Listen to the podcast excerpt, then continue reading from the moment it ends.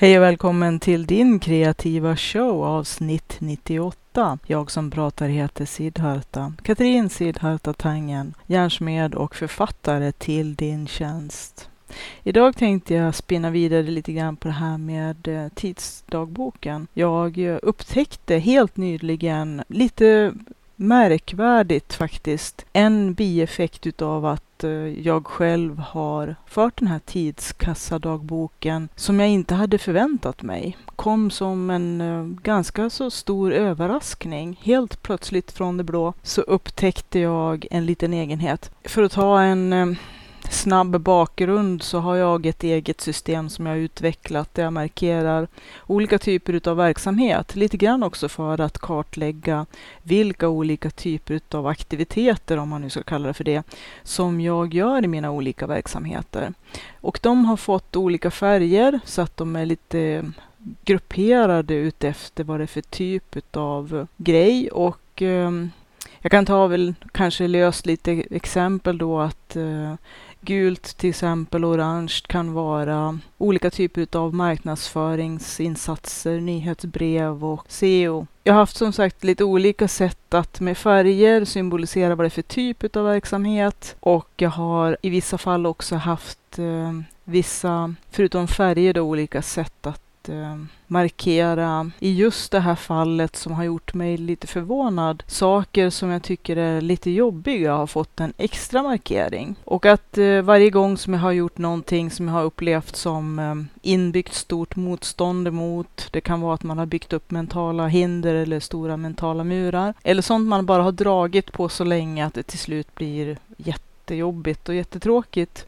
Eller att det helt enkelt är saker som man känner olust inför och inte sådär jättetaggad eller helt enkelt känner ja, som sagt olust inför. Och genom att jag har fått uh, sätta en extra liten stjärna eller två beroende på svårighets och uh, jobbighetsgraden på de här sakerna som jag upplevt som lite extra jobbiga, så har jag ju haft en märklig upplevelse av att nu när jag tittar tillbaka efter att ha fört tidskassabok under i runda slängar ett helt år nu, att eh, jag har gjort slut på alla de eh, saker som låg på hög, som hade en sån typ av klassning, om vi ska kalla det för det. Det låter ju väldigt eh, hemskt. Men eh, att jag plötsligt här strax före jul insåg att det var väldigt länge sedan jag markerade någonting med en stjärna eller två stjärnor för att signalera att pju, nu har jag gjort någonting jättejobbigt och eh, jag vill eh, att det ska synas och märkas och kännas att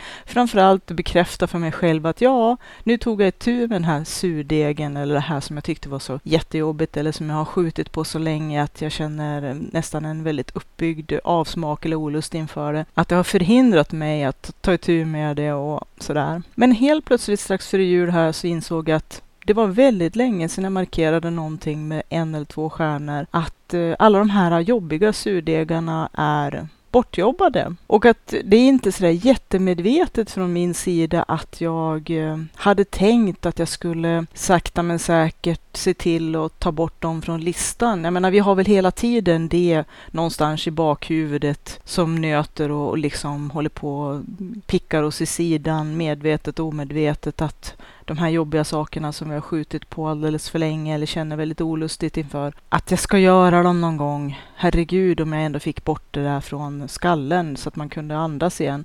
Eller att eh, man helt enkelt vet, man vet med sig vilka saker som man eh, hela tiden har skjutit på av en massa olika skäl med negativa laddningar och eh, att det har varit svårt att eh, komma till tals med den där listan. Men jag hade inte någon uttalad avsikt eller någon medveten tanke att nu jädra skulle jag ta itu med den och börja beta av den. Bara för att jag började med den här äh, helt interna tidskassadagboken äh, eller tidsredovisningen för mig själv. Utan det var bara helt enkelt för mig själv att kunna markera när jag gjorde någonting som var extra jobbigt. Jag hade inte kopplat heller någon speciell belöning till det, utan på något sätt kanske det räckte med att bara bekräfta för mig själv att ja, nu gör jag någonting jobbigt och jag markerar att jag gör någonting jobbigt och jag vet att det här är något som jag tycker är mindre kul helt enkelt. Eller mindre kul, det är väl kanske en underdrift, ganska så okul. Men på något konstigt sätt helt av sig själv så, jag vet inte, om någon slags inre motivation eller någon, ändå någon slags intern belöning eller manifestation eller någonting som bekräftade för mig själv att ja, jag tar itu med det här. Det är jobbigt, jag vet det och det är bra och jag känner att jag ser det. Jag ser mig själv.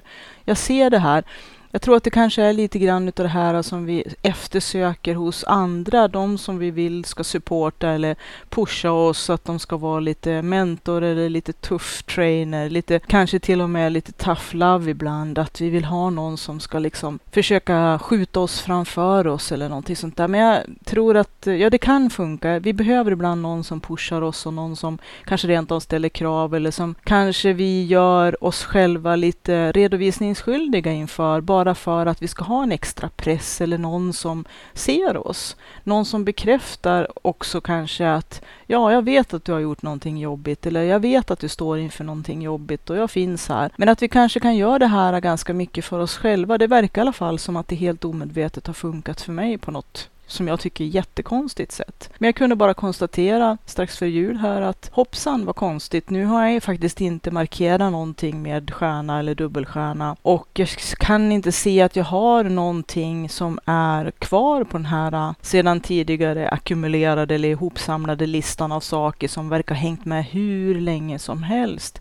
och hela tiden hållit på och naggat i ens um, bakhuvud och peta en i sidan med jämna mellanrum. De här små, nästan lite ångestladdade eller stressbomberna som hela tiden med jämna mellanrum forsar in i vårt system och, och gör sig påminda och så mår vi lite extra dåligt och så skjuter vi lite till på det och så bygger vi lite mer av den här muren och så ackumuleras den här listan och vi känner oss mer och mer både missnöjda kanske och eh, lite värdelösa kanske, ett väldigt negativt ord, men att vi har ju en tendens att kunna racka ner på oss själva jättehårt ibland och speciellt med sådana saker som vi är missnöjda med eller känner oss otillräckliga. Det kan ju också vara att man känner sig maktlös inför någonting som känns för oöverkomligt eller för stort eller för omfattande eller någonting i den stilen. Eller att man bara som sagt har byggt upp så mycket negativa förväntningar kring någonting. Som jag pratade om i någon tidigare podd, att när man har byggt upp en massa negativa förväntningar och väl gör, genomför, då kan man bli nästan lite förbannad eftersom att då när man väl genomför det så är det inte ens en tiondel av så himla jobbigt som det redan har varit utav all den här negativa stressen och negativa förväntningen och alla de här olustiga uppladdningarna eller ackumuleringen utav en massa negativa känslor inför det här. Att vi har byggt så mycket mentala murar. Att vi nästan känner oss lite kränkt, i alla fall har jag gjort det, känt mig lite kränkt och nästan lite förbannad över när, när jag väl har gjort det så har det inte varit någon big deal. Många gånger inte. Det finns naturligtvis saker som är jobbiga och som även är jobbiga i sitt genomförande.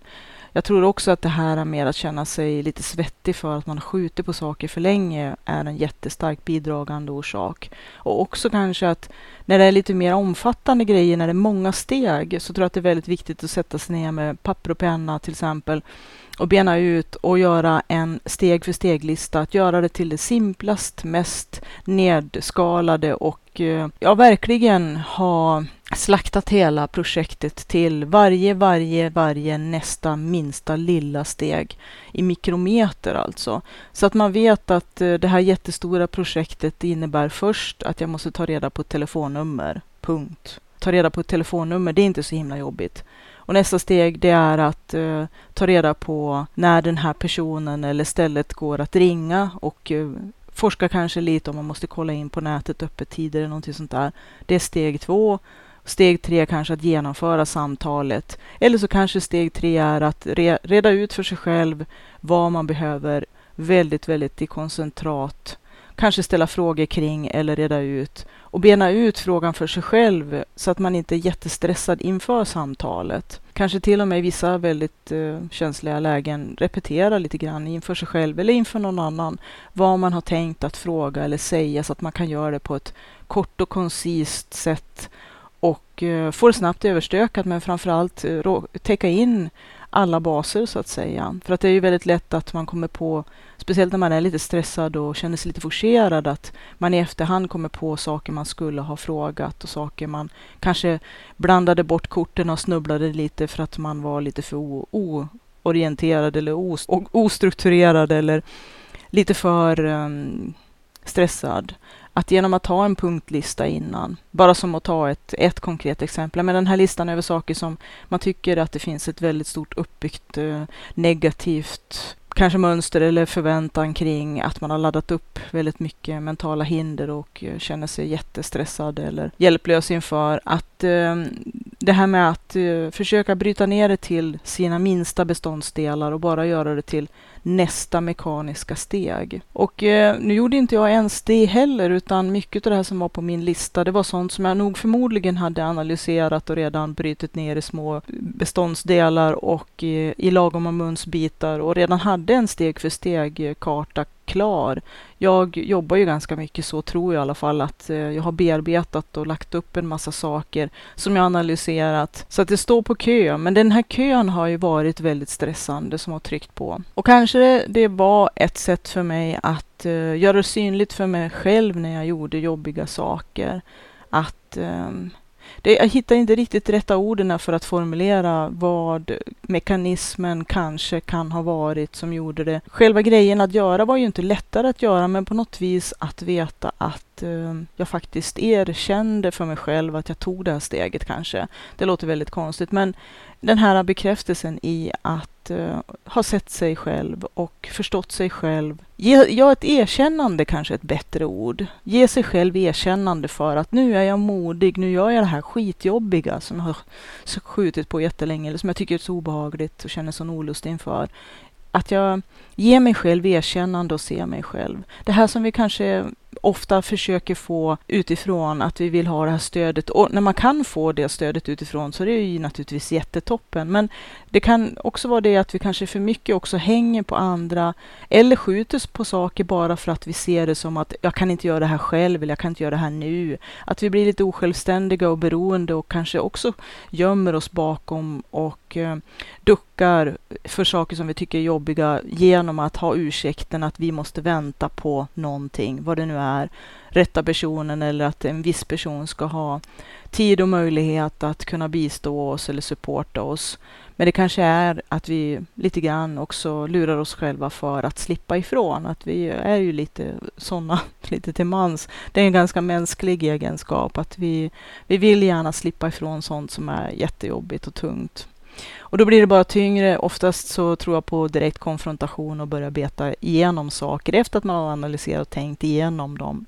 Men inte för den skullen heller gömma sig bakom nästa sak att man ska researcha och eh, hamnar i analysis paralysis som också är en sån här fälla som jag kanske har en tendens till och jag tror att många människor kanske också förbereder sig lite väl för mycket, att det är lätt att övergöra sådana saker. Vi tänker för mycket, analyserar för mycket och så snubblar vi på fötterna i alla fall. Eftersom att eh, vissa saker kan man inte hålla på att tänka sönder, utan det är bara att göra. Go, go, go liksom. Och så får man se efter vägen vad som händer. Att vi ändå inte kan styra saker och ting, händelseförlopp, andra människor och verkligheten. Att vi bara kastar oss in i strömmen och eh, ta matchen helt enkelt. Det låter väldigt sportmetaforiskt och eh, man kan ju tycka vad man vill om det, men ibland måste man ge sig ut i hetvattnet eller i hetluften och så får man tumla runt lite grann där. Men det kan kännas väldigt skönt efteråt, speciellt man vet att man har fått bort den där eh, skitjobbiga grejen som hela tiden pumpar ut en massa stress som är en stressbomb i vårt lilla upplagrade förråd. Vi har ett litet förråd med saker som vi helst av allt vill slippa se. Men på något konstigt sätt som sagt så gav jag mig själv något slags erkännande eller såg det här att jag inte behövde heller koppla det till några jättestora belöningar eller några speciella åthävor utan bara att jag såg, nu gör jag den här skitjobbiga grejen och så sen så får jag en markering för det. Och då en markering i det positiva. Vi kan väl kalla det för poäng kanske. Man kanske skulle ha en liten eh, tavla hemma eller på insidan av ett skåp eller i en anteckningsbok där man har något typ av markeringssystem. Det kan ju vara guldstjärnor som är lite klassiska eller det kan vara någon annan typ av markering. Jag använde färger, färgkodade system för att dels kunna se vilka typer av verksamheter och inom vilken kategori eller gruppering. Men också speciella markeringar för att kunna se när jag gjorde någonting som var mer eller mindre skitjobbigt och att det fanns en graderad skala. Man kan ju ha en skala vilken som helst.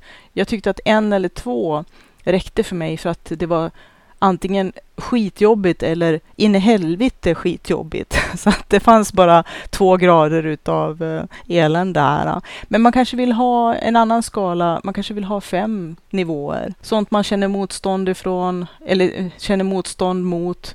Saker man har uppbyggt ett visst um, mentalt hinder eller känner väldigt friktion kring. Eller sånt som man eh, upplever som att det är saker utanför ens riktiga comfort zone, att man måste utanför de här eh, kända ramarna, att man kanske måste utsätta sig, utsätta sig eller konfrontera sig med saker som är lite påfrestande och så kanske det går uppåt till att bli lite nivå gul och så blir det kanske nivå orange och så blir det röd. Fast det, det kanske jag tycker är lite negativt att kanske göra någon slags eh, red alert eller kod red eller någonting av det. För då kanske man också bara hissar upp sig själv och eh, sina negativa för, förväntningar ännu mer.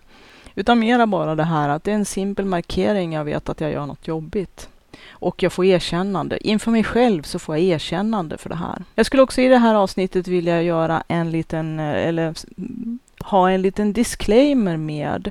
I tidigare avsnittet så pratade jag om det här med belöningar och risken att det kan bli instant gratification. Och jag kom på i efterhand att jag kanske uttryckte mig lite slarvigt på ett sätt. Eller på ett sätt som kanske skulle kunna i olyckliga fall missuppfattas. Att allting som vi gör kan vara både bra och dåligt beroende på hur mycket vi gör och vilken inverkan det får på oss. Och hur mycket det kanske tar eller kostar i vårt liv. Ett beroende det är ju när man till exempel lägger för mycket pengar eller för mycket tid eller prioriterar bort andra viktiga saker till förmån för det som vi hellre vill hålla på och eh, trigga och plinga vårt belöningssystem med. Och när vi gör det i för stor utsträckning eller vi gör det som ett sätt för att fly eller som ett sätt att distrahera oss och bedöva oss, då är vi ju kanske inne på lite tunnare is så här. Men att när det har blivit ett, eh, ett problem och det är ju det svåra med beroendeprylar, det är ju att det är väldigt svårt att veta när blir det ett problem.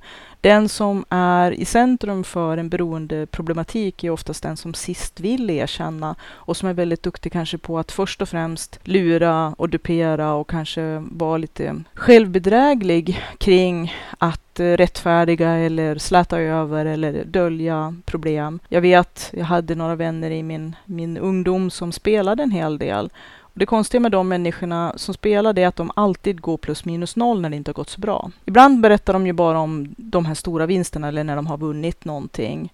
Men om man frågar om deras förluster så har de alltid gått plus minus noll eller att det har gått jämnt upp. Att på något vis så tror inte jag på det och det är ett sätt att släta över att de faktiskt går med rätt så stora förluster. Att de har en tendens att överskatta det de har vunnit eller kanske ser det som ett alibi att kunna ursäkta och, och, kanske rättfärdiga fortsatt spel. Jag vet inte, det här med beroendedynamik när det gäller spel är ju en, en, en helt, ja, det är en ganska komplicerad sak som kanske alla beroendedynamiker för den delen. Men där finns det ju en hel del mera kanske som man skulle kunna prata mycket om. Jag har ju en person som är nykter spelmissbrukare i, i min bekantskapskrets som eh, jag pratar en hel del med. Men jag kan inte riktigt helt naturligtvis eh, sätta mig in i eftersom att jag inte själv har några omedelbara egna erfarenheter. Tack gode gud kanske man ska säga. För det är verkligen ett straff. Men att, och det är väl alla missbruk. Men att eh, det är lätt att ljuga för sig själv, det är lätt att ljuga för andra och det kan gå ganska lång tid innan man kan kanske, som man säger på engelska, bli called on one's bullshit, att det är någon som faktiskt inte längre köper. Men även om någon annan i omgivningen inte köper och att de i omgivningen är de som först brukar drabbas utav de problem som missbruk kan leda till. Det brukar ju oftast väldigt länge vara någonting som den som är i centrum för missbruk inte riktigt vill se för att det stör ju det som är deras, om man vill vara lite krass, eh, snuttefilt eller det som ger deras liv ett sätt att orka. Det är en copingmekanism, att ett sätt att fly, att slippa ta itu med saker och att eh, hela tiden kanske trigga också sitt belöningssystem. Men eh, hur det nu än är med den saken så var det egentligen inte det jag tänkte prata om och som jag tyckte att jag kanske var lite slarvig kring när jag uttryckte mig.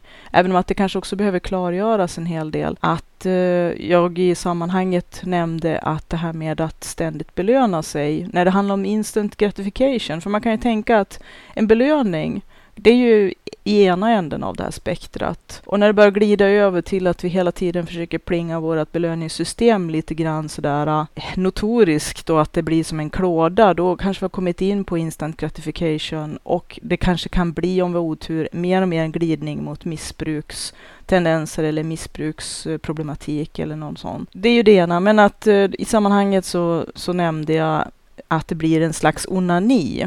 Och då får man missförstå, eller i alla fall förstå mig rätt, att jag tycker inte att Eh, det är, ja, det har inte med sex att göra som så, utan mera det här med att man kliar sin klåda.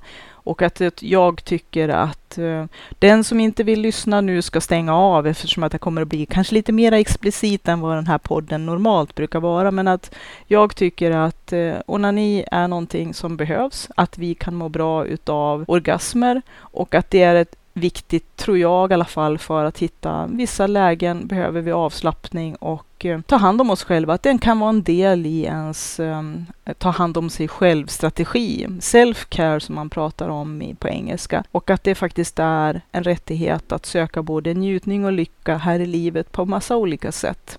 Igen kommer vi tillbaka till det här med när är det ett bruk och när är det ett missbruk? När gör vi det för mycket för att förtränga eller för att ta bort andra delar. När det kanske har passerat stadier utav att vara för välmående, för att må bra, för att trivas och hitta andrum i tillvaron. Och det kanske blir någonting vi gör för att um, slippa ifrån saker.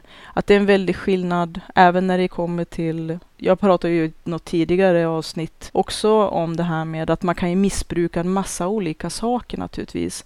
Och sen om det handlar om sprit eller droger eller spel eller att man håller på för mycket på internet eller att man eh, shoppar eller att man, eh, ja, det finns ju också det med sexmissbruk och att en del kanske använder porr och sådana saker i en sån utsträckning att det faktiskt blir ett handikapp och någonting som inverkar negativt på ens liv och på ens funktion som, eh, ja, i alla de roller vi har som person. Men eh, jag tänker att eh, för de allra flesta människor så är självkärlek att hitta njutning på egen hand någonting som är oerhört fint och väldigt viktigt. Och det är absolut ingenting som jag bärsar utan tvärtom. Vi behöver self-care och det finns olika sätt. Man kan se till att unna sig en promenad i skogen. Man kan behöva kanske den här spahelgen som man kan göra alldeles för sig själv hemma. Om det är ett fotbad eller att massera sina fötter eller om man behöver massa andra saker. Hitta de vägarna och sätten att få behov tillfredsställda som gör en helare, friskare, som man mår bättre av. Absolut. Det är jätteviktigt och jag tror att det är nästan ännu viktigare i de här tiderna när vi är väldigt, väldigt splittrade, väldigt kanske har svårt att få tyst på hamsterhjärnan, att vi bara snurrar runt i det här hjulet och springer fortare och fortare. Och det är klart att det aktiva val vad man gör med sitt liv och hur man lever sitt liv. Men också samtidigt så mm, kan det bli system overload och då behöver vi ha ventiler, kanaler ut för att ventilera bort stress och oro kanske. Att vi behöver andrum, att vi behöver hitta de här pauserna och komma ner i varv, att hitta till oss själva att eh, jorda oss helt enkelt. Och det finns en massa olika sätt. Alla sätt som fungerar är bra som inte är destruktiva eller självdestruktiva och som framförallt inte inkräktar på andra människors välmående. Att allt ska ske, som jag tjatar ganska mycket om, med informerat, ömsesidigt uttryckt samtycke och för ömsesidigt utbyte. Och att eh, vi kan göra mycket saker men att det innanför lagens råmärken och andras gränser ska inte överträdas. Och att det gäller att bevaka också sina egna gränser för att inte andra utav misstag eller av andra skäl överträda våra gränser. Att vi har ett ansvar, även här ett egenansvar, både att respektera andra människors gränser men också respektera våra egna gränser och framförallt kommunicera dem och markera dem för oss själva, vara tydliga med det och att ingen annan kommer att bevaka våra gränser än vi och att det faktiskt inte är andras jobb egentligen. Det är inte, man har ingen som helst rättighet att göra någonting mot andras samtycke. Man ska alltid inhämta samtycke, ett informerat samtycke av vuxna om det handlar om, i alla fall om det handlar om sexuella saker i allra högsta grad. Men att man måste hela tiden bevaka sina egna gränser som vuxen. Barn kan inte bevaka sina gränser och inte djur och de kan inte samtycka heller. Det kan ju vara viktigt att flika in i sammanhanget. Men just det här att vi som vuxna, vi måste bevaka våra gränser och vara både tydlig med dem, kommunicera dem och framförallt utforska våra egna gränser tror jag. En del i att må bra. Att förstå vad jag behöver, vad jag vill ha och vad som krävs för att jag ska kunna leva ett så bra balanserat och ett så meningsfullt och värdigt liv som det bara är möjligt för mig. Men som sagt, självkärlek är också, tycker jag, en viktig del. Och en, många kanske tycker det här med älskade dig själv-junket är bara drygt. Vem kan älska sig själv och sådana saker? Men jag tänker att eh, vi behöver i alla fall vara omtänksamma, omsorgsfulla och behandla oss själva åtminstone halvvägs lika bra som vi behandlar andra människor att vi inte skulle vara lika nedlåtande eller lika kritiska eller såga andra lika hårt som vi sågar oss själva, som jag tror att de flesta gör. Att försöka hitta till en bra balans också vad det gäller självkänsla och självförtroende som är två helt skilda saker, men som hänger ihop. Självkänsla det är att man känner sig ganska trygg i den man är, att man är nöjd med den man är, att man inte känner att man behöver skämmas för någonting eller må dåligt för någonting, utan man känner att det här är jag och det är ganska okej. Okay att jag är okej okay som jag är. Och att eh, självförtroende mer att vi känner oss väldigt eh, trygga i saker vi gör. Att vi vet att vi kan göra någonting på ett, om inte superbra eller bra sätt, så åtminstone på ett sätt så att vi känner att vi inte behöver skämmas för det heller, utan vi klarar saker. Så att det ena handlar om att vara trygg i den man är och det andra att vara trygg i det man gör. Men alltihopa det hänger ihop och det bästa är ju att först och främst ha en bra självkänsla, att allting grundas i det. Och det är lättare sagt än gjort, absolut. Men i det handlar ju också en hel del om att kunna möta sig själv och unna sig själv eh, omtanke. Vara sin egen bästa vän som jag pratade om i en tidigare podd att eh, det är en insikt som jag fick i skogen och som faktiskt hjälper mig ganska mycket. Så hitta olika sätt att eh, bryta ner motståndet för det som är jobbigt, att hitta till ett lugn inom dig själv på det sättet som du kan och vill och som är rätt för dig utan att eh, det kostar i någon annan ände för mycket. Det är väl kanske det som är kontentan av det hela. Och att hela tiden eh, försöka hitta nya både strategier och taktiker, olika metoder och eh, mekanismer som kanske kan hjälpa. Det här var en liten konstig mekanism som jag verkligen inte hade räknat med. Jag bara kände det att det var viktigt för mig att markera när jag gör jobbiga saker för att jag visste inte riktigt varför. Men helt plötsligt så hade jag bara tömt det här uppdämda lilla förrådet av skitgrejer som legat där länge. Så jag blev lite paff liksom för att jag nästan kände så här, ja vad ska jag ta itu med nu? Nu var det jättelänge sedan jag gjorde en sån här skitdryg grej som jag brukar göra ibland, som jag har gjort förut för att ja, och så kom jag på, nej men jag har ingen sån just nu. Det är klart det kommer hela tiden nya saker och den här listan den fylls ju bara på hela tiden och livet är ju hela tiden en, ett, en ström, ett flöde och man kan aldrig nästan tömma listan. Men det här hände faktiskt för mig. Nu vet jag att det finns en sak som börjar bli mera påträngande som jag måste ta tur med ganska omgående som har seglat in på den här ganska olustiga listan. Förutom också att det var en annan pryl som, eller två andra prylar som också dök upp. Och det var att jag skulle ta mina årliga prover och träffa läkaren som jag gör rutinmässigt varje år för att de ska ha koll på, ja, jag har pratat lite grann om saker som jag har råkat ut för. Och läkaren, jag fick en ny läkare, öppnade med repliken att ja, du fick ju ett fruktansvärt besked. Och eh, nu är jag frisk och jag har blivit friskförklarad i tre år. Så att jag känner mig väldigt, väldigt, väldigt lycklig över det. Men att eh, varje år så blir det ändå en liten sån här ah, jobbig känsla. Det är ju liksom, eh, det, ställs ju till sin spets på något vis. Även om att jag, eh, det är lite lustigt, ska man till tandläkaren så har man ju plötsligt ont i, över alla tänder, att man tror att man har jättemycket hål. Att det liksom vi, dels så har vi den här negativa förväntan som kanske byggs upp, men också oron förstås. att tänk om det är något stort fel. Och det har jag lite grann varje år inför det här besöket, men jag är samtidigt oerhört tacksam och lättad att de gör de här kollerna för att eh, så fort något skulle bli fel så vill jag ju veta det så fort som möjligt så att man kan ta tag i det. Men det kändes ju väldigt fint att igen få veta att värden är alldeles utmärkta. Och eh, av någon underlig anledning så hade det blivit lite mera jobbigt än vad jag hade upplevt att det har varit de här tidigare åren som faktiskt kanske var mera kritiska för att när man har börjat må bra och mått bra under längre tid så borde ju faran vara över kanske även om jag är en person som aldrig tar något för givet och sådana här saker, men att på något sätt så det blev någon lite grann en retake eller någon slags ett, ett um, omtag på lite gamla sådana här.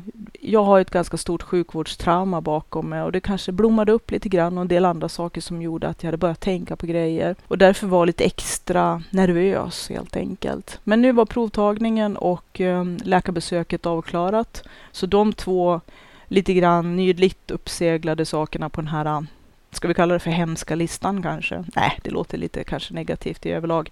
Men att eh, de grejerna när man blir kallad, eller som när jag blir kallad, så sker det med väldigt kort varsel, vilket är skönt för att man inte behöver ha så jättemycket oro för alldeles för länge i förskott. Så att det jag hade ju gått och tänkt ett tag innan att nu kanske det börjar bli dags för det här årliga besöket igen. Men när det väl kommer så kommer det ganska fort. Och mycket riktigt så kom det ganska strax efter att jag hade börjat tänka att det var dags. Nu är de avklarade och jag känner mig lättad och lyckligare än någonsin eftersom att det var viktigt och eh, naturligtvis jätteviktigt, väldigt angeläget. Men att jag hade byggt upp någon slags eh, förnyad oro på något sätt och att nu fick jag ju chansen att eh, få bekräftat att jag faktiskt mår så bra som jag känner att jag mår. Att min energi, mina energinivåer och min hälsa har stadigt rehabiliterats efter det som har hänt och det har ju varit en lång väg. Och att eh, nu har jag bara en sak ytterligare som inte är en sån här sak som plötsligt har dykt upp utan som bara har blivit lite mera och mera angelägen att få avklarad. Det finns en tidsgräns helt enkelt. Och det tänkte jag ta itu med den här veckan och nästa vecka så att jag kanske kan stryka det också från min hemska lista. Eh, det, är ju en väldig lättnad när man får eh, den här extra skjutsen kanske det handlar om. Att ge sig själv erkännande. Ja, det här är jobbigt, men jag är tuff. Jag är modig. Jag vågar det här. Jag kan göra det här. Och så gör man det. Och så får man den här extra markeringen att ja, fan, jag gjorde det. Hoppas du haft behållning av den här podden och att den kan göra dig lite modigare, lite starkare, orka och våga lite mer och att vi får alla jobba med eh, våra issues, var och en på vårt håll och tillsammans. Att det är viktigt också att försöka både ge och kanske få stöd i den mån det går. Och att eh, det finns olika sätt att eh, trigga sig själv på det positiva sättet och ibland lite oväntade sådana här effekter som det kan bli utav det som det blev för mig. Så jag kan varmt rekommendera. Jag som har pratat heter Katrin Sidharta Tangen. Du kan hitta mig på www.sidharta.se. Där finns det en länk till min butik. Man kan läsa mina böcker om podden och om mina andra kreativa äventyr och även klicka på en länk som heter bidra. Om man vill supporta podden, komma i kontakt med mig Skriv gärna ett mejl och berätta om din kreativa resa eller ställ frågor eller ge förslag på saker du vill att jag ska prata om i podden. Ha det gott och vi hörs igen.